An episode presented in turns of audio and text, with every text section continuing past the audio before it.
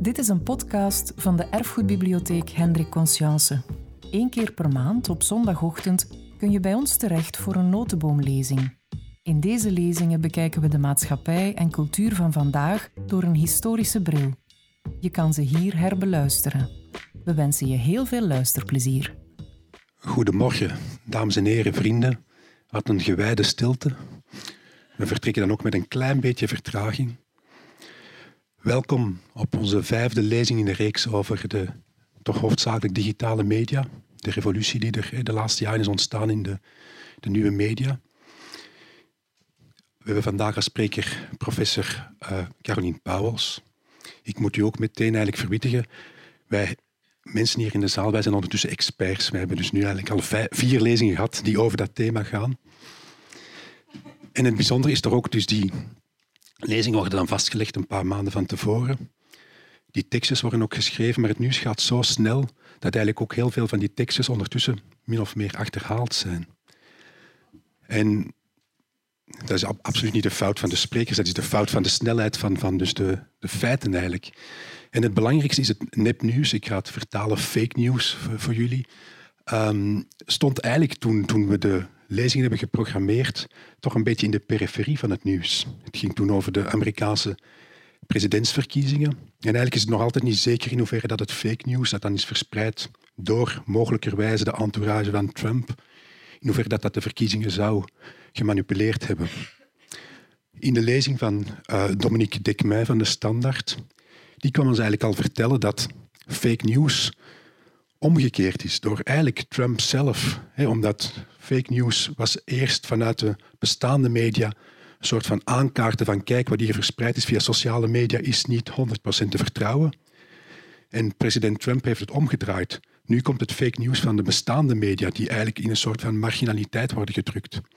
En vandaag is het eigenlijk zo dat fake news gewoon in het centrum staat van, van, de, van de van onze media, van, van onze nieuwsstroom. En om dat te bewijzen, de Standaard bijvoorbeeld heeft op vrijdag op pagina 5 elke keer een rubriek van fake of niet fake. En ik heb ooit een abonnement gehad op Knak, dus ik word dan achtervolgd door allerlei advertenties. Deze week zat er hier nog in de bus geachte heer Broeke, beste Koen, in tijden van nepnieuws. Eh, abonneer u op Knak, want daar gaat u dan te weten komen wat er al dan niet toch uh, van waar of onwaar is. Wat ik ook heb onthouden uit de lezing van uh, Dominique Decmin is het volgende. Hij zei dat fake news allicht de Amerikaanse presidentsverkiezingen heeft kunnen beïnvloeden. En dat dat toch te maken heeft met heel de structuur van de media in de Verenigde Staten. En hij zegt dat wij hier in Europa allicht iets meer tegen beschermd zijn. En hij zei allicht zal het ook weinig rol spelen in bijvoorbeeld de Franse presidentsverkiezingen. En helaas, deze week is er dan toch ook fake news blijkbaar verspreid rond Macron. Macron die wel meteen een soort van tegenoffensief uh, in gang zet. En dat blijkt toch, dan toch nog effect hebben. Dus uh, laten we zeggen, de, de, de ons gekende media hebben blijkbaar hier in Europa toch nog altijd een, een hele belangrijke invloed. Rest mij uiteindelijk ook nog de spreekster van vandaag eventjes in te leiden en voor te stellen aan u. Professor uh, Caroline Pauwels, ondertussen ook sinds vorig jaar rector van de Vrije Universiteit Brussel.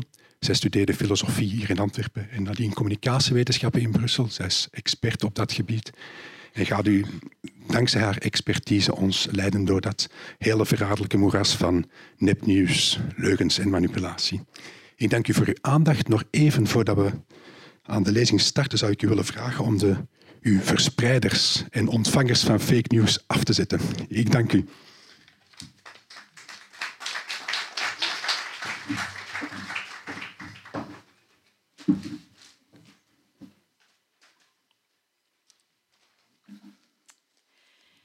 Goedemorgen, dames en heren. Het uh, doet deugd in Antwerpen te zijn en dan nog in zo'n mooie zaal. Dat is uh, altijd goed uh, terugkomen, uiteraard. Ik wou mij ook eventjes excuseren voor de vertraging. Het was heel moeilijk om een parkeerplaats te vinden. En één keer, als je als niet-Antwerpenaar begint rond te rijden in Antwerpen, dan, dan kom je op plaatsen waar je dat op dat ogenblik liever niet bent. Um, Inderdaad, de inleider zei het al, eh, nepnieuws was als term heel actueel ten tijde van de Amerikaanse verkiezingen. Het is natuurlijk een, een, verhaal van alle tijden. Het was niet de eerste keer in verkiezingen, nog in de Amerikaanse verkiezingen, dat nepnieuws eigenlijk de ronde doet. Maar wat er bijzonder is aan deze tijden is natuurlijk de graad van verspreiding die nepnieuws mogelijk kan hebben dankzij die sociale media dankzij onze mobieltjes, eh, waar heel snel eh, zaken door worden verspreid. En dat maakt ook dat wij bijzonder alert moeten zijn, denk ik, voor eh, die fenomenen. Tegelijkertijd, inderdaad, gisteren, en dat is dan nog een ander fenomeen, werd, of eergisteren werd blijkbaar ook werden ook de computers van uh, inderdaad het team van Macron gehackt. En wat daar dan gebeurt, is dat er tegelijkertijd met de echte documenten, nep-documenten, uh, eigenlijk het licht zien. En dat het heel moeilijk wordt om tegen die fenomenen in te gaan. Dus de lezing van vandaag wil daarop wat inzoomen. We hebben ook net woensdag de dag van de persvrijheid gevierd in Brussel en ook elders in de wereld. Ik ga daar zeker ook eventjes iets over zeggen. Maar eh, het thema voor ons van eh, die dag die wij Difference Day noemen, omdat wij niet alleen opkomen voor vrijheid van meningsuiting, maar ook voor respectvol luisteren naar de mening van de anderen, ook al zint die ons niet. Uh, wel, ook daar hadden wij als thema uh, nepnieuws genomen. En het was ook bijzonder interessant om rond nepnieuws met scholieren aan de slag te gaan en zelfs met kleuters uh, daarmee aan de slag te gaan. Dus het is denk ik echt wel een, een fenomeen waar we allen alert op moeten zijn. Dus uh, blij hier te zijn. Goedemorgen. Tijdens de campagne voor het Amerikaanse presidentschap konden de kiezers op Facebook onder meer lezen, en dat is meteen de eerste, dat Paus Franciscus, en die kan toch ook wel tellen in, eh, in Amerika, zijn steun gaf aan Donald Trump. Dat Hillary Clinton verantwoordelijk was voor de moord op een vroegere minnaar. Dat ze in het geheim bovendien ook nog lesbisch was. En ook nog eens de, film, de, de spil vormde van een pedofilie-netwerk dat vanuit een pizzeria opereerde. Uiteraard weten we ondertussen dat daar allemaal niets van aan was. Maar de kans is groot, ook al was het goed dat Dominique Dekma dit allemaal relativeerde, maar toch is de kans groot dat dit soort berichten toch een invloed heeft gehad op het kiesgedrag van de Amerikanen. Het zijn voorbeelden van nepnieuws dat op sociale media makkelijk circuleert en moeilijk en steeds moeilijker wordt ontkracht. In een digitale nieuwsomgeving waarbij vooral jongeren nieuws steeds meer via die sociale media tot zich nemen, rijst de vraag hoe men het bewust verspreiden van nepnieuws kan tegengaan. En daaraan gekoppeld eigenlijk ook de vraag hoe men het onbewust verspreiden van nepnieuws kan tegengaan. De alomtegenwoordigheid van sociale media, de machtige positie die ze daardoor innemen in het medialandschap en de ontransparante wijze waarop de onderliggende algoritmes worden opgesteld en toegepast, maken deze kwestie bijzonder complex. Moet de overheid tussenkomen en nepnieuws aan banden leggen? Maar kan dat zonder de persvrijheid en de vrijheid van meningsuiting in het gedrang te brengen? Moeten Facebook en Google zelf interveneren? Maar neigt dit dan niet te veel naar censuur en dan nog door privébedrijven? Kunnen de Facebook-algoritmes helpen om betrouwbaar nieuws een prominentere plaats te geven? Maar kunnen algoritmes überhaupt het verschil maken tussen mogelijk gecontesteerde standpunten enerzijds en schaamteloze leugens anderzijds? Is het aan de traditionele media om aan kwaliteitsbewaking te doen en hoe zouden ze dat wel kunnen doen? Welke verantwoordelijkheid hebben de journalisten? En wat, en dit is toch belangrijk voor mij, wat is onze eigen verantwoordelijkheid als nieuwsgebruikers en als burgers? We nemen immers maar, we nemen immers maar al te graag informatie over waar die past binnen ons eigen denkkader. Hoe kunnen we dan zelf kritisch staan tegenover onze eigen omgang met informatie? In deze lezing ga ik proberen op een aantal van deze vragen in te gaan en samen met u inzicht te krijgen in het fenomeen. Eén ding is voor mij alvast duidelijk. De oplossing zal nog van de overheid, nog van de markt, nog van de sociale mediaproducenten, nog van ons, de mediagebruikers, alleen komen. Willen we de relatie tussen media en democratie gezond en matuur maken, dan zal dat een gemeenschappelijke inspanning vergen van iedereen op basis van onderlinge check en balances, met bewust gedragen verantwoordelijkheid. Sta mij toe deze vragen te kaderen in een groter thema: de relatie tussen de democratie en de journalistiek.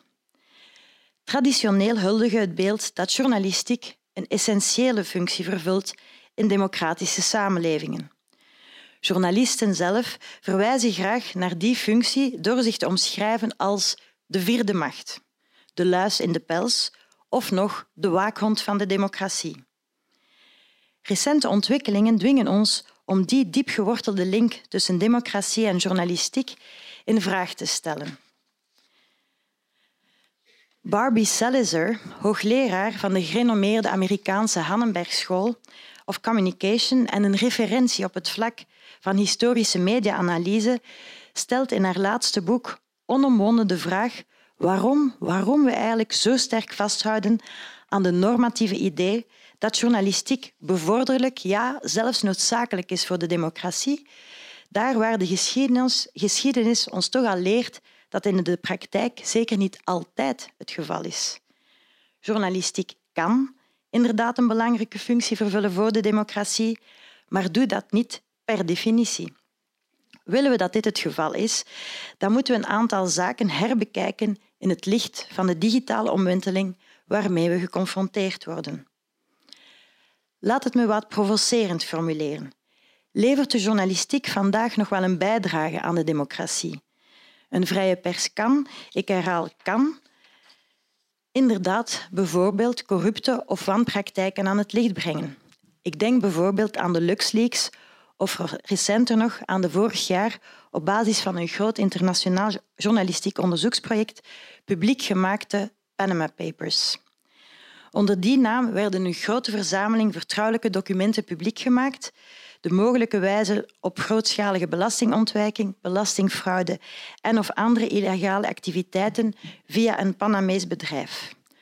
Het onderzoeksconsortium ontving er onlangs, een aantal weken geleden, de prestigieuze Pulitzerprijs mee. Maar of dat de algemene Malaise verhelpt, met andere woorden, of een prijs die Malaise verhelpt, dat is nog maar zeer de vraag. Een dossier als de Panama Papers is niet alleen zo bijzonder omwille van de inhoud en de omvang van de samenwerking tussen de journalisten, op zich uiteraard een goede zaak, maar vooral ook omwille van het feit, en dat is jammer, dat dergelijke onderzoeksjournalistiek inmiddels zo zeldzaam is geworden dat ze op haar beurt zelf al nieuwswaardig is geworden.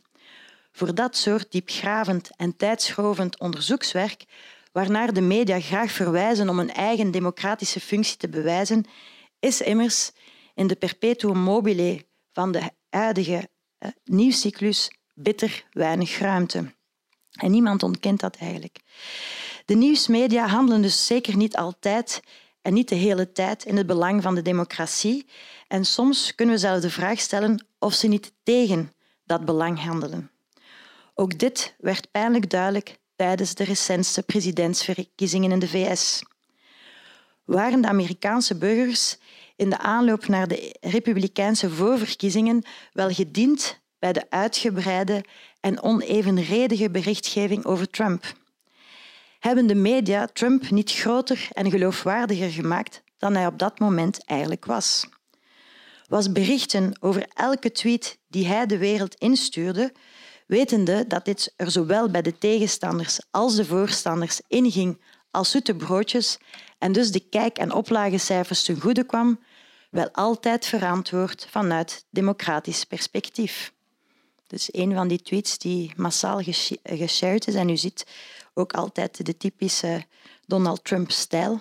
Ik heb net gehoord dat Philip Herwegen hem eh, Donald Muilen noemt. Op zijn Gens. Ik vond dat eigenlijk wel grappig. En uh, was het lachen met Trump en vooral het voorzien van zijn optreden van ironische commentaar in opiniestukken, editorialen en parodierende nieuwsprogramma's niet al te denigrerend ten opzichte van de vele mensen die zich aangesproken voelen door zijn verhaal en door zijn oplossingen hebben de media daardoor niet zelf antipolitieke gevoelens doen oplaaien en zo de kiesstrijd laten kantelen. Om dan nog maar te zwijgen van het dédain waarmee ze zich soms uitspraken over die Trump-kiezers. Ik quote, of ik citeer, wij zijn niet meer dan neutrale doorgeefluiken van informatie. Op een ander citaat, wij publiceren wat mensen willen lezen. Een ander citaat, wij maken het nieuws niet, wij verspreiden het. Zo verdedigen de nieuwsmedia zichzelf. De essentie van de zaak is, of we dat nu jammer vinden of niet, dat journalistiek in de eerste plaats een commerciële beroepsactiviteit is. Kranten moeten verkopen. Televisieprogramma's moeten worden bekeken, anders hebben ze geen advertentieinkomsten. Dat is uiteraard niet nieuw, maar wordt nog sterker geaccentueerd in het huidige medialandschap. Een medialandschap inderdaad waar het continu snel gaat. De mediamarkt is in volle verandering. De concurrentie is bijzonder groot. Het businessmodel staat op zijn kop.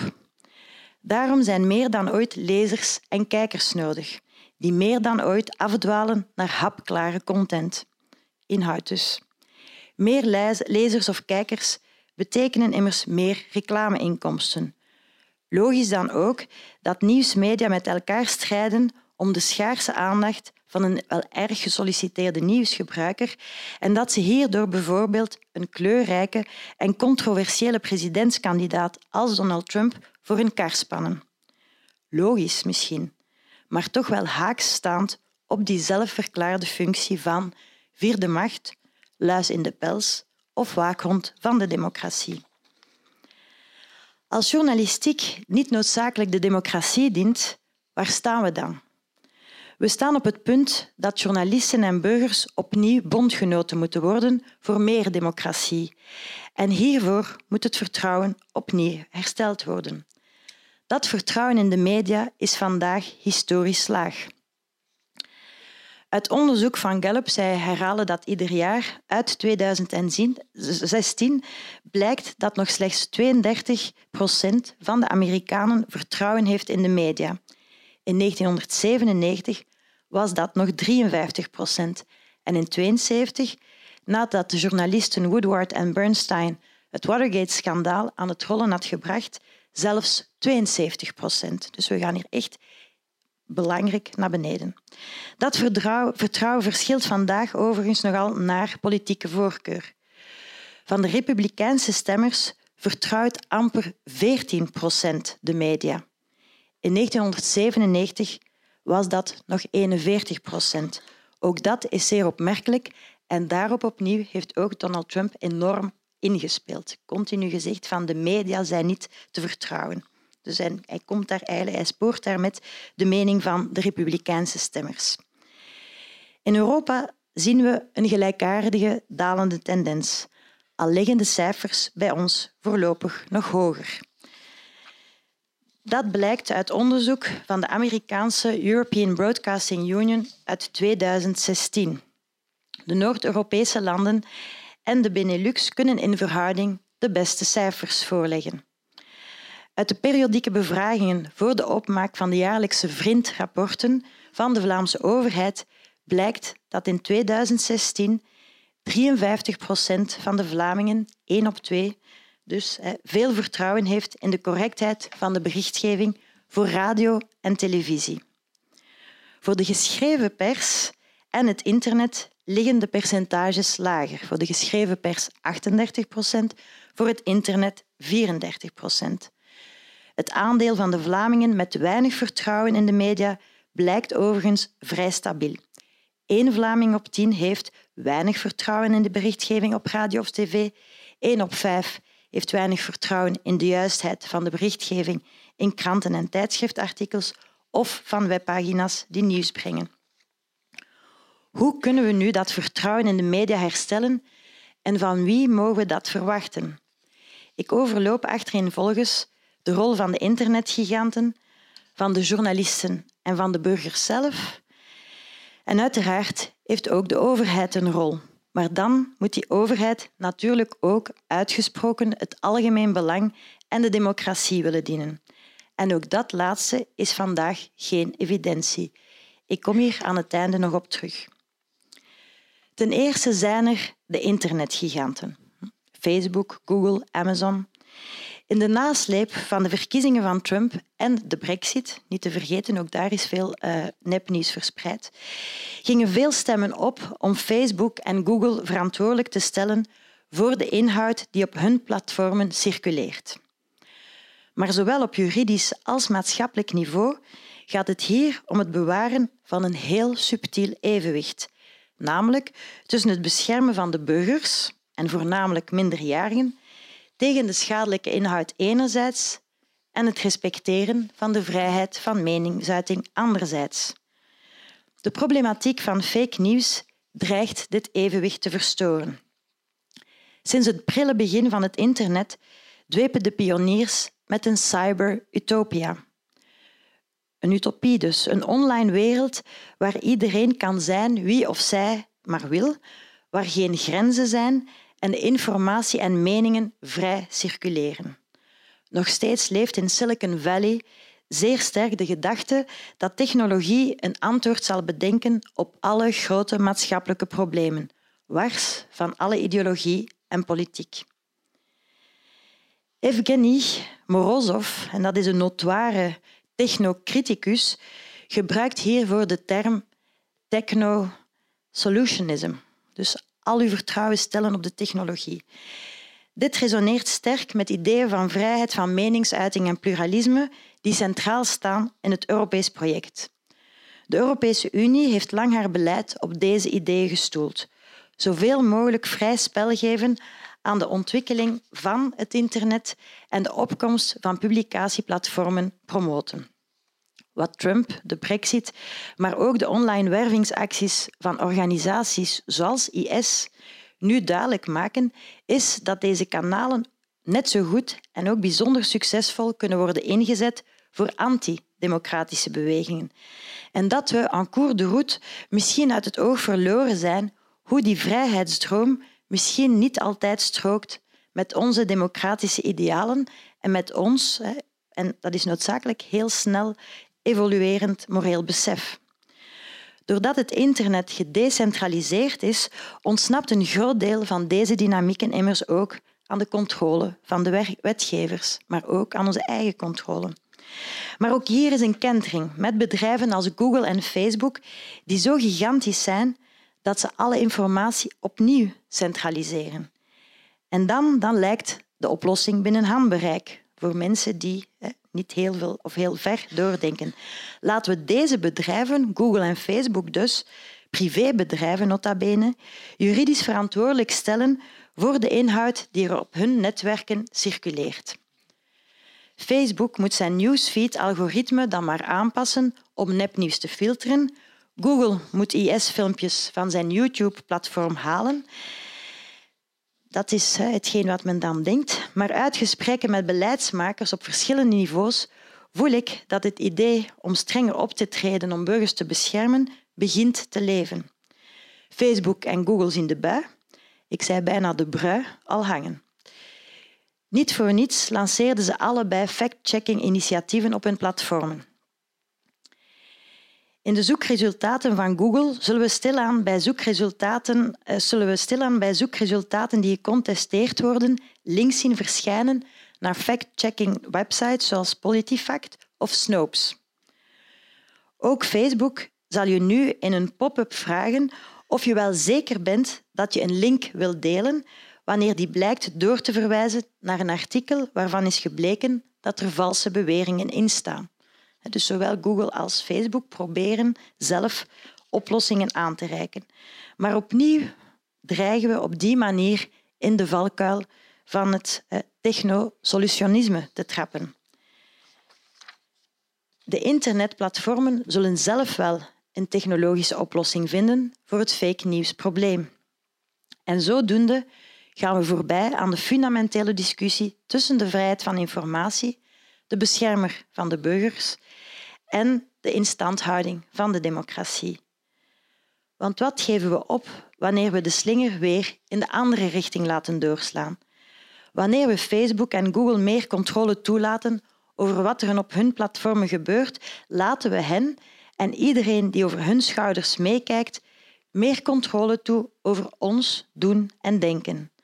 Vanuit een al dan niet gemeende bezorgdheid voor de veiligheid van haar burgers, verzamelt de Amerikaanse Nationale Veiligheidsdienst, NSA, een ongeziene hoeveelheid informatie over ons. Dan, dan loeren Orwelliaanse scenario's om de hoek.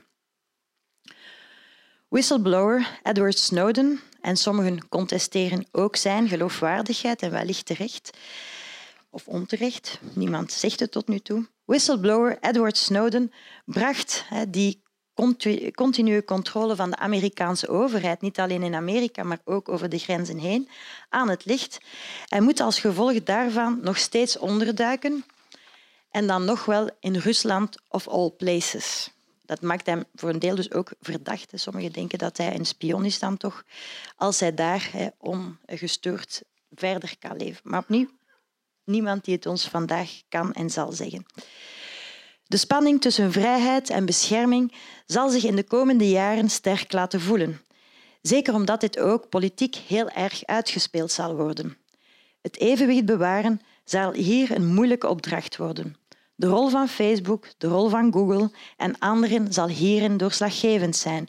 Hoe ver zijn zij bereid te gaan om het vertrouwen in hun platformen, want daar komt het eigenlijk op aan, maar het zijn ook hun commerciële belangen, veilig te stellen?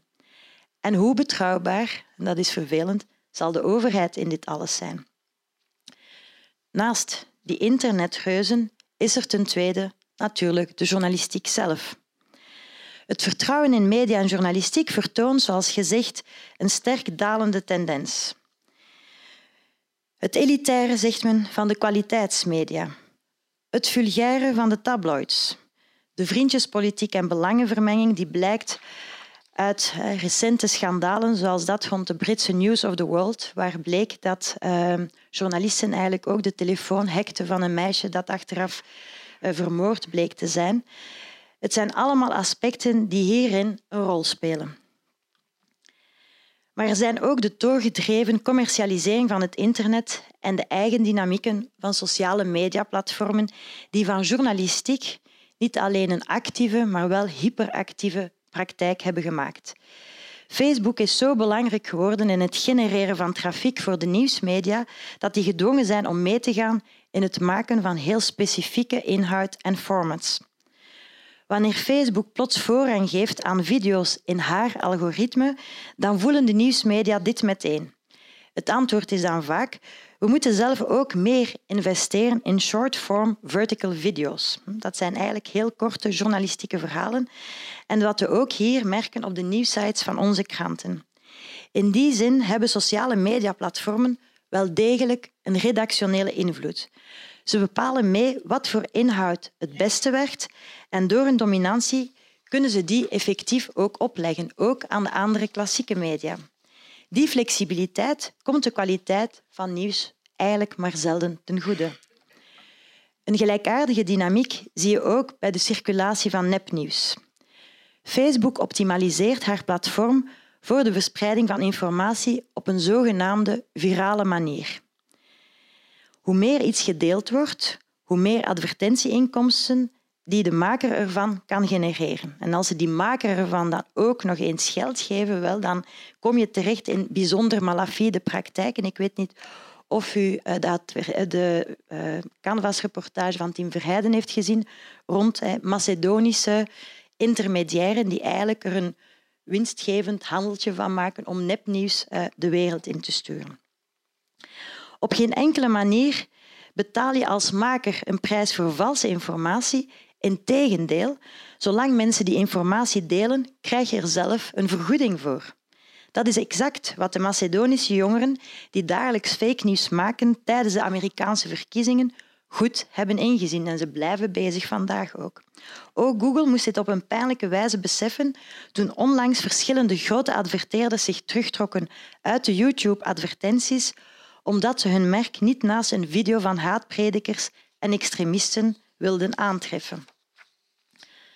Wat deze voorbeelden aangeven is dat deze platformen kwaliteitsvolle informatie niet belonen. Ze zijn geoptimaliseerd om de meest gedeelde en de meest bekeken informatie te laten bovendrijven, niet zozeer om de meest waardevolle informatie in de schijnwerpers te zetten. Of zoals Aaron Pilhover, nu professor journalistiek, maar voorheen digitaal strateeg bij The Guardian, wat toch wel een van de beste kranten is, ook omdat ze met een heel ander businessmodel werken. Zij zijn een, een stichting, zij werken via een stichting, dus geen rechtstreekse inkomsten. En de New York Times, dus hij was digitaal strateeg bij The Guardian en de New York Times. Hij stelt het heel scherp. What if news operations optimized every part of the operation for trust? Dus eigenlijk moeten we niet naar een commercieel model gaan, maar we moeten gaan naar de geloofwaardigheid. Alles moet continu gecheckt worden op de bron, wie is de verspreider enzovoort. Ja, wat? Als niet snelheid, als niet trafiek, winst, breaking news of prijzen de toon zetten, maar gewoon, en ik denk dat we dat kunnen willen als burgers, de betrouwbaarheid van de informatie. Volgens Jay Rosen, professor journalistiek aan de City University of New York, zou zo'n organisatie sterk lijken op de correspondent, het journalistiek initiatief van de Nederlandse filosoof Rob Wijnberg. De Correspondent is een online journalistiek platform dat streeft naar het maken van onafhankelijke achtergrond- en onderzoeksjournalistiek en daarom wordt gefinancierd door donateurs en leden, maar niet door advertenties. Opnieuw, het is een vergelijkbaar model met The Guardian. Kenmerkend is ook de actieve betrokkenheid van de lezers, die bijvoorbeeld gedurende een aantal maanden een zogeheten correspondent kunnen volgen in een lopend onderzoek of project en daardoor betrokken kunnen worden in de ontwikkelingen en ook in de geloofwaardigheid van wat er eigenlijk door die journalisten allemaal wordt gedaan. De correspondent heeft vandaag zo'n 50.000 donateurs en leden. Het model van de correspondent is inderdaad om verschillende redenen interessant. Het is misschien niet altijd dupliceerbaar, maar het is wel interessant. Net zoals dat het model van The Guardian, een andere erkende Britse kwaliteitskrant, die via het systeem van een foundation aan geld komt. Eén, je bent niet afhankelijk van adverteerders, dus kan je als organisatie volledig aan de kant gaan staan van je publiek en je hoeft niet in te zitten met je andere klanten, namelijk de adverteerders. Twee, je bent verlost van de waan van de dag. Wanneer je niet afhangt van het laatste nieuws of de meest recente internethit om mensen naar je inhoud te lokken, wel, dan hoef je ook niet mee te gaan in de hyperactieve nieuwsjacht. Je haalt je relevantie uit nieuwe invalshoeken, niet uit nieuwe weetjes. 3.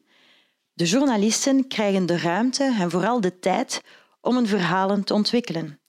Die ruimte en die tijd vullen ze met bronnenonderzoek, dus nogthans de basis van een goede journalistiek, en het ophalen van nieuwe inzichten. Eerder dan het soort van hij zei dit en hij zei dat. Dat soort journalistiek krijg je een eerst dacht ik dit, maar nu, nu blijkt toch dat journalistiek, waarbij een journalist transparant is over diens eigen zoektocht naar waarachtige informatie. Vorig jaar kreeg een Amerikaanse film Spotlight een prijs, de Oscar. En dat was eigenlijk ook een film die ging over journalisten die heel saai en heel repetitief systematisch onderzoek doen naar een schandaal, in dit geval binnen eh, de kerk. Vier, journalisten worden zelf ook mede-moderatoren. Ze worden verwacht te investeren in een interactie met een lezer, een conversatie met een lezer. Wanneer je dit ten volle, kan, ten volle kan doen, dus niet enkel reactief, maar proactief, dan vraag je aan je lezers om mee te denken, om mee naar informatie te zoeken, mee op onderzoek te gaan, zoals onder andere ook The Guardian doet, mee visies te ontwikkelen en dan, dan creëer je geen wantrouwenband met je lezers, maar een vertrouwensband. Terwijl recent bij ons nog KNAK besloot, u heeft er daarnet naar verwezen, om interactie op haar artikels te weren omdat het te veel tijd aan bestrijding van misbruik kostte, zet de correspondent interactie centraal in zijn strategie. En zo komen we naast de internetgiganten, naast de journalistiek, bij een derde belangrijke speler, de lezer, wij dus, de mediagebruiker, of gewoonweg wij, de burger. We mogen in de hele discussie ook niet voorbijgaan aan onze persoonlijke verantwoordelijkheid. Wij zijn immers de sociale media. Wij klikken een foto met twee schattige katten met een raar hoedje op naar de, op, eh, de top van de meest gedeelde artikelslijst. Wij scrollen minutenlang doorheen onze nieuwsfeed op zoek naar een korte afleiding in plaats van even stil te staan bij een lang artikel. Dat kan je volgen. Mensen lezen geen lange artikels meer. Wij reageren zuur of vulgair in de commentaarsecties of we keren die secties verbolgen de rug toe in plaats van de internetrollen aan te spreken op een gebrek aan fatsoen. Ik begrijp Jago Kozolowski, hoofdredacteur van de digitale newsroom van, de, van Knak.be, die zegt dat hij zijn lezers niet moet opvoeden over wat basisfatsoen is. Maar wie, wie doet het dan wel? Indien we willen dat vrijheid van meningsuiting het centrale principe blijft van onze digitale communicatie, dan zullen we burgers moeten leren dat dit niet gelijk staat aan het ventileren van eender welke belediging aan het adres van anderen. Deze week nog hebben de ULB en de VUB samen met haar studenten of uh, hun studenten de No Hate uh, Speech campaign van de Raad van Europa getekend. En we waren daarmee de eerste universiteiten die dat deden. En ik roep de rector van Antwerpen op, die in de zaal zit, om dat eigenlijk ook hier in Antwerpen te doen. Dat is uiteraard een doel dat veel moeilijker om te zetten is in een concreet beleid met meetbare resultaten. Het lijkt in die zin veel effectiever om richtlijnen te ontwikkelen die technologiebedrijven verplichten om hun algoritmes aan te passen, veel eer dan initiatieven op te zetten die mensen leren kritisch te zijn en iets vaags als burgerzin te tonen in online discussies. Hoe meet je immers de impact van dergelijke initiatieven die altijd op lange termijn zullen moeten werken? Je raakt hier uiteraard aan de vraag welke morele waarden je aan de grondslag van je samenleving wil. En ook hier, en ook hier in België, maar ook vandaag in Frankrijk, voelen we de spanning, ditmaal tussen vrijheid en respect. Wanneer ik met journalisten praat, hoor ik ze verbaasd vaststellen hoe de aanval op politieke correctheid resulteert in online commentaren waarin geen blad voor de mond wordt genomen. Er is geen schroom meer in het delen van de meest venijnige en meest kwetsende commentaren. Allemaal onder het mom van de zaken durven zeggen zoals ze zijn. Dit drijft de polarisering enkel maar op de spits, zeker in een wereld waar sociale media ons in real time verslag uitbrengen van alle mogelijke meningen. De publieke sfeer gaat, wat mij betreft, in overdrive. Ons mediagebruik grenst aan het hyperactieve. Continu krijgen we prikkels, hypes, die even snel gaan liggen dan dat ze uit um, het niets verschijnen. Een modderstroom aan meningen waarin feiten verdrinken en valse informatie bovendrijft. Hoe ga je daar als burger mee om? Hoe kan je zelf nog uitmaken wat feit of mening is, waarheid of leugen? En dat was fijn dat we Gary Gasparov nog eens tegenkwamen. Hij verwoordt het eigenlijk wat mij betreft zeer mooi. If you can convince people that real news is fake, it becomes much easier to convince them that your fake news is real. Hier is zeker een belangrijke taak weggelegd voor de openbare omroep, de VRT, of voor editoriale modellen gebaseerd op andere businessmodellen, genre de correspondent of The Guardian. Meer dan ooit kunnen ook openbare omroepen een tegengewicht bieden tegen deze dynamieken die door commerciële logica's enkel maar meer op de spits worden gedreven. Zij kunnen nog steeds een baken vormen voor mediagebruikers en een eikpunt blijven voor mediabedrijven. En ook in het opleiden van nieuwsgebruikers tot mediawijze burgers ligt een heel grote taak voor de openbare omroep en voor de overheden weggelegd. Waarschijnlijk dan in een scenario waarbij openbare omroepen doelgerichte initiatieven zoals mediawijs.be en de scholenkoepels intensiever gaan samenwerken. Opnieuw, de impact van dergelijke initiatieven is minder meetbaar, maar toch zal dit een essentieel onderdeel moeten zijn van een beleid dat een bloeiende en geen kwetsende publieke sfeer wil bevorderen. Dus een publieke sfeer mag botsen, maar ze mag niet kwetsen of ze mag ook niet de man of de vrouw spelen, ze moet de bal spelen. Ook hier zien we weer een spanningsveld ontstaan. Een gezonde dosis wantrouwen in de pers is niet slecht, maar wat als dat wantrouwen doorslaat? In die zin zijn initiatieven zoals Mediawijs essentieel vanuit het standpunt van de kritische gebruiker, maar wel problematisch vanuit het idee dat journalisten en burgers aan hetzelfde democratische zeel moeten trekken. Er zit een paradoxaal gegeven in het feit dat de burgers aanleren kritisch te zijn tegenover nieuwsmedia en tegelijkertijd verwachten dat mensen vertrouwen hebben in en betalen voor nieuws. En zo zijn we terug bij de hamvraag beland. Hoe kunnen we het vertrouwen in de media herstellen? Misschien moet men niet zozeer teruggaan naar de traditionele recepten, maar vertrekken van wat nieuws in de praktijk betekent voor burgers en voor journalisten. In het huidige systeem is er weinig plaats voor diepgravend nieuws. Journalisten zullen moeten toegeven dat hier niet altijd ruimte voor is, tenzij in sommige organisaties die voldoende middelen hebben, door middel van abonnementen zoals de tijd of door diversificatie in advertentiestrategieën zoals BuzzFeed. Daarom hebben we die openbare omroep. Maar misschien moet deze minder het centralistisch model van het massamediale tijdperk weerspiegelen, maar ook meer een genetwerkte, gespreide organisatie worden waar verschillende mensen en organisaties ruimte kunnen krijgen om specifieke informatienoden te voorzien.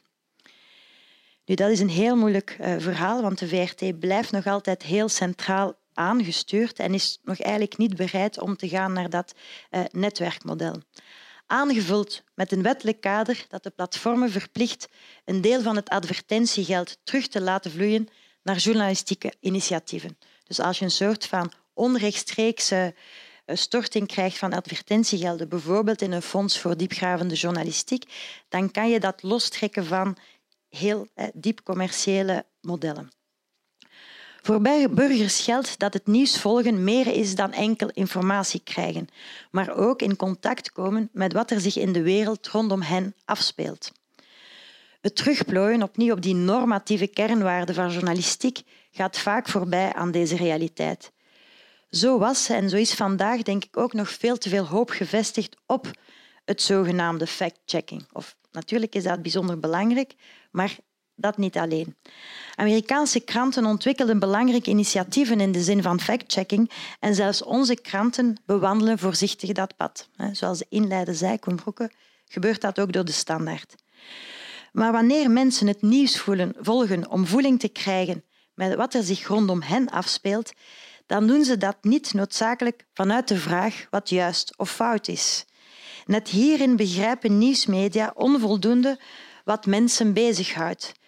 Mensen stemmen niet op Trump omdat ze weten dat hij de tewerkstelling in de steenkoolindustrie opnieuw zal doen toenemen, maar omdat ze dit hopen. Een journalistiek die weet wat mensen zoeken in het nieuws en eigenlijk ook in de samenleving, heeft ook hoog voor deze hoop. Zo belanden we bij een oproep die je wel eens bij academici hoort voor een journalistiek die meer conversationeel van aard is. Indien journalistiek het meent met de democratie en zich niet als bedweters eh, oproepen, dan zal het zaak zijn om meer te luisteren naar wat mensen bezighoudt. Iets wat niet noodzakelijk af te lezen valt op de dashboard van Google Analytics en ook niet op de commentaarsecties waar de luidste schreeuwers de bovenhand krijgen maar wel door vragen te stellen, door in dialoog te gaan met lezers, zodanig dat er opnieuw geen dédain ontstaat ten opzichte van die lezers. Kritische vragen ten opzichte van het beleid, geïnteresseerde vragen naar de input van mensen in bepaalde situaties, vragen naar wat mensen bezighoudt. Journalistiek zal zichzelf moeten heruitvinden, zoveel is duidelijk. En dat zal niet gebeuren door robotjournalisten in te zetten, zoals onlangs in China gebeurde of door pure data-driven journalistiek te bedrijven. Samenwerking, conversatie en onderzoek naar reële nieuwsnoden geven wellicht subtiele uitwegen aan. Even evident is dat wij, de gebruikers, onze rol als vijfde macht ernstig moeten nemen en ook onze verantwoordelijkheid moeten nemen. Dames en heren, ik kom bijna bij het besluit. Elk jaar publiceert de internationale organisatie Reporters Without Borders haar wereldwijde index van de persvrijheid. En dit is de status van de pers in 2017. Landen krijgen een score op basis van een vragenlijst die over de hele wereld wordt ingevuld door journalisten, wetenschappers, juristen en mensenrechtenactivisten, genre Amnesty bijvoorbeeld. Op de website van de organisatie kan je voor elk land een score vinden en ook een wereldkaart waarop landen een kleurcode krijgen op basis van die score. Hoe slechter de score, hoe donkerder de kleur. De wereldkaart van 2017 oogt vooral dieprood tot zwart. Wereldwijd gaat het alles behalve goed met de persvrijheid en met de journalisten die in de pers werkzaam zijn. Bij de presentatie twee weken geleden van het rapport van dit jaar had de organisatie het over een toenemend klimaat van wantrouwen tegenover de pers. Ook in die landen die vandaag nog goed scoren, constateert men dat de pers in het defensief zit. Dat wantrouwen leeft ook bij ons. In navolging van de Verenigde Staten heeft men het soms geringschattend over de mainstream pers of de regimekranten. De media die zich voortdurend op de borst kloppen dat ze onafhankelijk zijn en kritisch, zouden vooral dat nieuws en die opinies brengen die de gevestigde machten, wie dat ook mogen zijn, eigenlijk goed uitkomen. Journalisten zouden gevangen zitten in een pensée uniek, in een stel van vooroordelen dat hen belet de wereld te zien zoals die is. Bovenal zijn ze ook graag vriendjes met degene die zij zogezegd behoren te controleren. Althans, dat wordt dan gemakshalve gezegd. Wie de vorige paragraaf instemmend aanhoorde, heeft wellicht geen boodschap aan de melding dat België het, volgens de Reporters Without Borders, met de negende plaats op 180 helemaal niet zo slecht doet en deel uitmaakt van het selecte clubje landen dat op de wereldkaart licht gekleurd is. Die reporters zonder grenzen zullen immers ook wel tot het establishment behoren, zouden de sceptici kunnen besluiten. We zijn trouwens met België van de dertiende naar de negende plaats uh, gestegen en het maakt ook dat we denk ik voor het eerst in de top 10 staan. Nu, dat wantrouwen is, denk ik, het wantrouwen ten opzichte van de pers op zich, is misschien nog wel het grootste probleem dat de pers vandaag bedreigt. Als de nieuwsberichtgeving zelf de inzet wordt van een waarheidsstrijd, dreigt polarisering. Dan gebeurt het dat journalisten omstreden nieuwsitems uit de weg gaan en vooral die dingen in de kijker zetten waar niemand nog aanstoot aan neemt. Dan is geen censuur meer nodig, want dan maakt journalistiek zichzelf overbodig. En dat terwijl we misschien nu meer dan ooit behoefte hebben aan goede journalistiek. Goede journalisten maken mensen ook wegwijs. Nooit was het nieuwsaanbod groter dan vandaag, waardoor het ook steeds moeilijker wordt om in dat aanbod hoofd van bijzaak van elkaar te onderscheiden. Bovendien weten we van een hoop berichten niet meer met zekerheid of ze echt zijn dan wel nep. Nepberichten worden massaal verspreid, vooral via de sociale media, wat weerlegging ervan bijzonder moeilijk maakt. De pers moet de rol van de kwaliteitsbewaker opnieuw opnemen. Het argument dat je daar geen kranten mee verkoopt, overtuigt niet. En er zijn andere nieuws, uh, businessmodellen. Want wereldwijd zien we ook dat er een publiek is dat op zoek is naar die betrouwbare informatie, naar achtergrondverhalen en naar duiding bij de actualiteit. Als de traditionele media dat terrein niet bezetten, zullen anderen dat voor hen doen.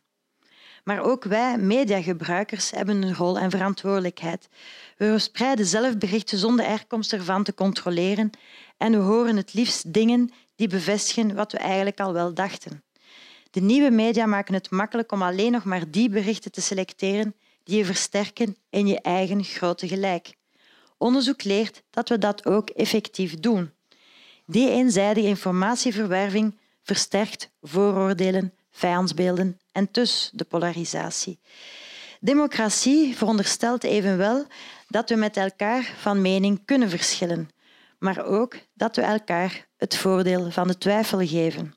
Dat lukt niet als we alleen maar geloof hechten aan de feiten die ons gelijk bevestigen of die binnen ons eigen kraam passen.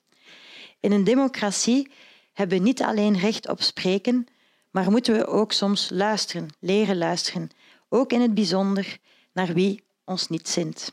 Ik dank u voor uw aandacht.